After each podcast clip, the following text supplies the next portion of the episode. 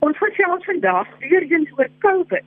En ons het nou al heelwat gesels oor hoe COVID tot stollingsprobleme kan lei, hoe dit die senuweestelsel en die brein direk kan aantas en ook oor die inflammatoriese reaksie en natuurlik die meeste mense wat met longprobleme sit. Maar dit is 'n hierdie virus is 'n ou geslepe der duiwel en hy kan die liggaam op verskeie fronte aanval en almal het nie dieselfde simptome nie en daar is nou al selfs verskillende groepe simptome beskryf van dit is asof hierdie virus nie behoorlik vasgepen kan word nie. Maar my gas vandag is professor Tess van der Merwe. Sy's 'n endokrinoloog van Pretoria en sy werk tans baie met COVID pasiënte en ons gaan spesifiek fokus oor hoe COVID, hoe hierdie virus, die koronavirus ander organe en stelsels aantas buite nou dit wat ons reeds weet van die longe, die bloedstelsel, die senuweestelsel en kyk nou hoe dit 'n direkte invloed op die pankreas, die tiroïed, die hipofise het en ook uiteindelik oor hoekom oorgewig en diabetiese pasiënte geneig is om dit ernstiger te kry as ander pasiënte. Baie welkom professor van der Merwe. Dankie Marie, altyd lekker. Ja, en kom ons begin soort van by die begin en sê wat is daar verskillende stadiums van die siekte en hoe werk dit? Weet almal word nie noodwendig baie siek nie, maar vertel ons net meer van die basiese fisiologie wat gebeur in die liggaam as hierdie virus binne in jou liggaam kom. Marie, ek dink dit is baie belangrik vir die luisteraars om te verstaan dat daar drie spesifieke fases is. Daar's die fase van inkubasie waar die virus basies klaar jou liggaam binne gedring het en stadig maar seker sy tentakels begin inslaan in verskeie sisteme, organe en so aan. Meeste van die pasiënte sal in daai stadium maar 'n effense loopneus of 'n droërige hoesie het. Uh party is totaal asymptomaties, party uh het 'n bietjie spierpyn, hoofpyn is iets wat ons nogal baie sien. Baie pasiënte kla van 'n hoofpyn soos hulle dit beskryf. Uh dokter, dit wil net nie lig nie, maak nie saak wat ek drink nie dan gaan jy na daai eerste fase in die tweede fase in wat ons die hipoksiese fase uh, noem. Nou op hierdie stadium is daar reeds 'n uh, inflammatoriese reaksie in die longe. Dit is wanneer die pasiënte dan 'n COVID pneumonie ontwikkel en hulle begin werklike simptome wys van kort asemhaligheid. Hulle kan dikwels nie eenstel tappe baas raak nie. Hulle is bewus van die feit dat hulle baie meer koors uh pieke kry. Hulle voel oor die algemeen baie lam en moeg en dit is op hierdie punt waar baie van die pasiënte wel herstel. So ek dink dit is baie belangrik dat die luisteraars moet besef dat nie almal beweeg van die inkubasie en die longontsteking fase deur na die volgende fase wat ons hoofsaaklik in die hospitale sien wat omtrent 1% van jou pasiënte uh, uitmaak. Maar dit is wat ons dan noem 'n interleukin storm. Nou die interleukin is maar net 'n groot woord vir een van die groot inflammatoriese molekules wat afgeskei word. Op hierdie stadium het jou liggaam nou daadwerklik al sy uh uh antiliggaampies gemobiliseer en hy gaan nou voluit om te veg teen hierdie virus wat ons die antigeen noem maar in die proses word daar geweldig baie skade aangerig want die liggaam kan nie in alle mense onderskei tussen wat is 'n gesonde sel en wat is 'n siek sel nie en in die proses kan daar baie organe wees wat nou aangetast word wat sieker word en hierdie gogga het 'n baie spesifieke voorliefde vir al die endokrinologie organe. Sjoe, en kom ons kan net terug na die verskillende fases toe. Hoe lank duur byvoorbeeld die inkubasiefase, die toksiese fase? Weet dat mens weet wanneer die een begin oorbeweeg na die ander een toe. Dit is ongeveer 10 dae. Ja, rolweg, maar die, ons kan, dit is nie 'n spesifieke getal nie. Dit is baie moeilik om elke mens in dieselfde kategorie te plaas, maar ons kan rolweg sê dat die inkubasietydperk 7 dae. Daar is mense waar die inkubasietydperk tot 14 dae kan wees dan kom die stadium van longontsteking. En dit is hier waar dit geweldig wisselvallig word want natuurlik as die pasiënte oorgaan na 'n baie ernstige vorm van longontsteking en weer eens die luisteraars moet net baie duidelik verstaan daar's verskillende tipes van longontsteking.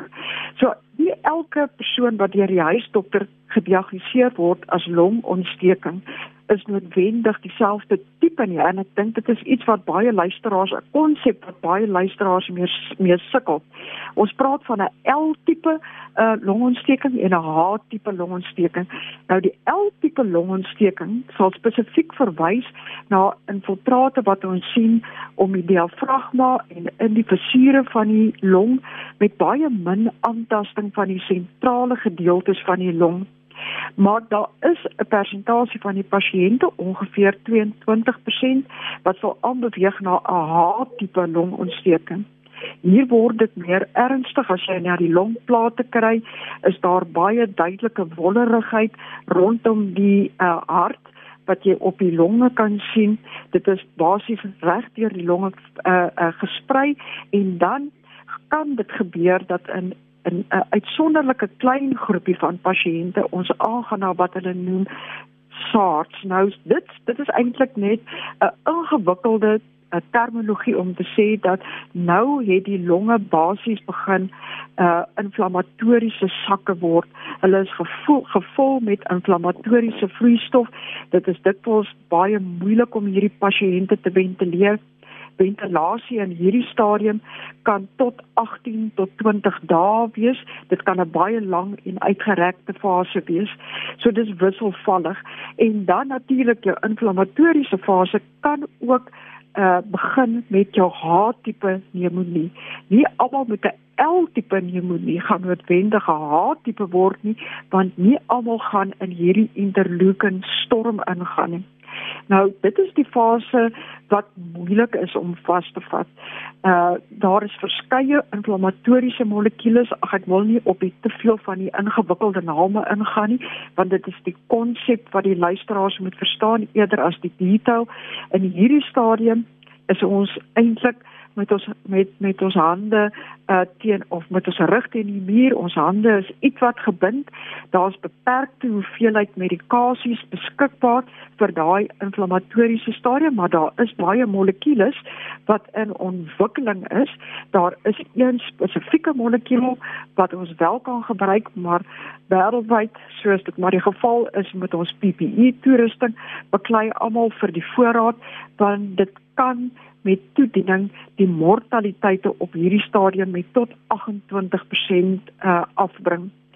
So gewoonlik sal die pasiënt is dit die kortison waarvan mense praat of is dit 'n nee, ander molekuule? Dit Nee, dit is 'n dit is die en ek is bly jy vra daai vraag, maar hier want hierdie is weer eens 'n baie belangrike onderwerp vir die uh, vir die luisteraars uh, uh, en die pasiënte om te verstaan. Ons gee kortison in die hipoksiese fase. Sodra die hipoksiese fase verby is, het dit bitter min waarde. Terselfdertyd moet dit glad nie toegedien word in die eerste 7 dae 7 dae tydens die inkubasietydperk nie want in daai tydperk kan dit die virus letterlik laat ontplof. So ongediskrimineerde neem van steroïde kan 'n werklik katastrofiese uitkomste hê. Die molekuule waarna ek verwys is tocilizumab. Dit is 'n interleukin 6 antagonis en wat hierdie molekuule doen is letterlik om in te gaan en die vuur uit te slaan. Hy probeer om ten alle koste die interleukin 6 wat die hoofdrywer is van die inflammasie uh, uh, platsak te maak en te kyk of ons nie die inflammasie in die liggaam wat dan reg deur die liggaam begin versprei en in verskeie organe begin voorkom uh, af te bring. So hoë dosering steroïde kan wel gebruik word in 'n H-tipe longontsteking. Dit word ook gebruik wanneer die longe uh, gevul is met baie inflammatoriese uh uh, uh vloeistof, maar natuurlik is ons baie afhanklik om op daai stadium die pasiënte geweldige hoë dosering suurstof te gee. Sommige van die pasiënte kan regkom op wat ons noem hoë vloeistof suurstof, waar ons kan praat van tot 60 liter per minuut. In Amerika het hulle die voorreg om te kan opgaan na 80 liter. Ons het nie daai spesifieke toestelle nie. Maar 60 liter net om vir die pasiënte 'n basiese idee te gee van waarvan ons praat. As jy postoperatief is in die saal sal jy dikwels sien hulle kom en hulle sit vir jou so 'n nasale kanieletjie in. Daar praat jy van 1 tot 2 liter vloeistof wat per minuut toegedien word. Met hierdie pasiënte gaan ons so hoog so 60 liter sies uh suurstof per minuut. So in daai stadium gebruik ons liter per ek wil net tussen ek wil net tussen in vra uh, sover ek ek het al nou met voorheen met dokters gepraat wat praat van mikrostolling in die in die uh in die endoteel in die longe. Is dit een van die redes hoekom jy so baie suurstof moet gebruik? Uh, uh, is dit werklik so groot faktor hierdie stolling of nie eintlik nie? Dit is 'n enorme faktor, maar dit is iets waarby ons nie kan verbykom nie. Ons het gelukkig bloedtoetse wat ons kan doen. Uh ons praat dikwels van die D-dimer, ons praat van die TRAP-T, miskien net van die pasiënte wat al in die hospitaal was gehoor die dokters praat van jou D-dimer of jou TRAP-T is op. Nou ons moet onderskei tussen mikroembolisme en 'n groot embolis. Beide kan voorkom in hierdie pasiënte en ons sit ook hierdie pasiënte op geweldige hoë doserings uh bloedverdunning. So dit is 'n werklike faktor as jy dit nog bykomend het tot die tot die tot die H-tipe pneumonie is die pasiënte gewoonlik totaal van 'n ventilator afhanklik. Sjoe, so dit is werklik ware slinkse virus hierdie wat op vele fronte aanval en dan dat hierdie inflam inflammatoriese storm of erge oorreaksie eintlik verskillende stelsels aantas. Maar hierdie hierdie hierdie gogga is vir my een van die interessantste goggas waarmee ek nog ooit te doen gekry het. Hy het 'n geweldige affiniteit vir wat ons noem die AE reseptor. Nou die AE reseptor kom reg deur die hele liggaam voor. Maar natuurlik is daar in sekere organe 'n baie hoër digtheid Die hoogste digtheid word gevind in vetweefsel en dit is suiwer as gevolg van jou massa effek van die vetweefsel. Maar daar's ook geweldig baie van die AE2 reseptore wat in die maagdarmkanaal, die pankreas, die lewer, die brein, die skildklier, amper elke orgaan in die liggaam kan voorkom. Wat die virus dan doen is die meeste mense sal al prentjies gesien het van hierdie virus met sy tentakels wat so uitslaan, uitstaan. Hy slaan letterlik daai tentakels in in daai res reseptor. En dan begin die hele proses van kom ons noem dit nou maar uh, uh in Engels hy hijack daai selle letterlik vir homself. Hy replikeer hy repliseer dan binne in die sel. Hy is afhanklik van die repliseringsmeganisme van ons selle, maar hy het dit nou binne sy vermoë om dit te gebruik. Hy repliseer en dan kan daar duisende meer van sy basiese formaat vrygestel word in die liggaam. En dit is dan wanneer hy al hoe meer selle begin infiltreer en op daai stadium begin jou antiliggame uh daadwerklik inskop om te probeer om hierdie duisende klein RNA molekules wat eintlik maar net babatjies is van die groot virus wat ingekom het om hulle vas te vat. Maar in die proses vat hy ook ongelukkig baie normale selle vas. As ons byvoorbeeld kyk na wat in die pankreas gebeur, want die pankreas omdat ek natuurlike endokrinoloog is, is vir my van geweldige belang daar's 'n geweldige hoë digtheid van die AE2 reseptor in die pankreas en wat gebeur is is jou beta sel wat jou insulien moet vervaardig word letterlik inflammatories en vernietig. So van die pasiënte wat opgeneem word in die hospitaal, sal 20% van die pasiënte, baie van hulle selfs fiks. Uh ek het 'n uh, 'n pasiëntjie gehad verlede uh, week in die hospitaal. Sy's 'n maraton atleet wat die dag voordat sy begin simptome kry het, nog geoefen het. Sy het ingekom met 'n bloedsuiker van 14 en dit was suiwer omdat hierdie reseptor haar beta selle aangeval het en 'n verhoogde bloedsuiker veroorsaak het. Nou ons weet nog nie in die wetenskappe tot watter mate die virus teenwoordig gaan bly met 'n vernietigende effek in hierdie mense. Met ander woorde hulle beta selle is vernietig. Gaan hulle insulien afhanklike diabetes word word hulle tipe 2 diabetes word hulle beter. Die enigste data wat ons wel het is, is ons weet dat van die mense wat inkom wat wel op insulien geplaas word moet 30% nog huis toe gaan op 'n uh, vorm van insulien. En net die tyd alleen sal ons leer wat kan gebeur hier. Dan kry ons natuurlik jou tipe 2 diabetes. Hulle kom in, kos op orale medikasie en sop jy sê protes ek het net met formule geneem ek was altyd goed gekontroleer en hulle kom in en hulle is naby aan 'n diabetiese ketoasidose hierdie virus spesifiek veroorsaak twee goed 'n hiperosmolariteit Nou al wat dit beteken is 'n groot woord om te sê is dit veroorsaak 'n amper tipe van 'n die intense dehydrasie van die selle en dan veroorsaak hy 'n ketose.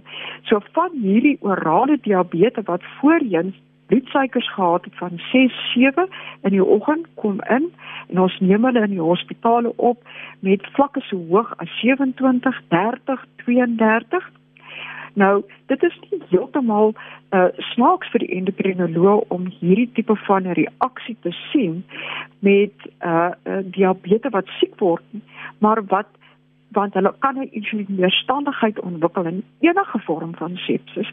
Maar wat ons sien met hierdie spesifieke virus is dat dit nie 'n insulienweerstandigheid is nie. Dit is wat ons noem 'n insulinopenia. Die beta selle word vernietig hulle ontwikkel geweldige lae natuurlike afskeiding van hulle insulienvlakke. So jy het eintlik 'n tipe tipe 2 diabetes wat hulle self nou gedra soos 'n tipe 1 diabetes. En dit vat baie keer baie lank vir hierdie pasiënte normaalweg as hulle opgeneem sou geword het in die hospitaal, sou dit ongeveer 12 ure gevat het om hulle te rehidreer, die bloedsuiker en die ketoonvlakke onder beheer te kry. Die algemene tydperk waarmee ons nou sukkel is enigiets van 36 uur en boontoe wat dan ook natuurlik beteken dat baie van hierdie tipe 2 diabetes wat baie siek word 'n baie verlengde opname het die gemiddelde tyd wêreldwyd vir 'n tipe 2 diabetes om uiters siek te wees uh in die hospitaal is 18 dae. Natuurlik sit ons nou met die dilemma dat baie van hulle oorgewig is. So ons gooi nou sommer die oorgewig in die emmer ook en nou het ons nog 'n groter dilemma want baie van hierdie pasiënte as hulle moet ventileer, ventileer geweldig moeilik. Sjoe.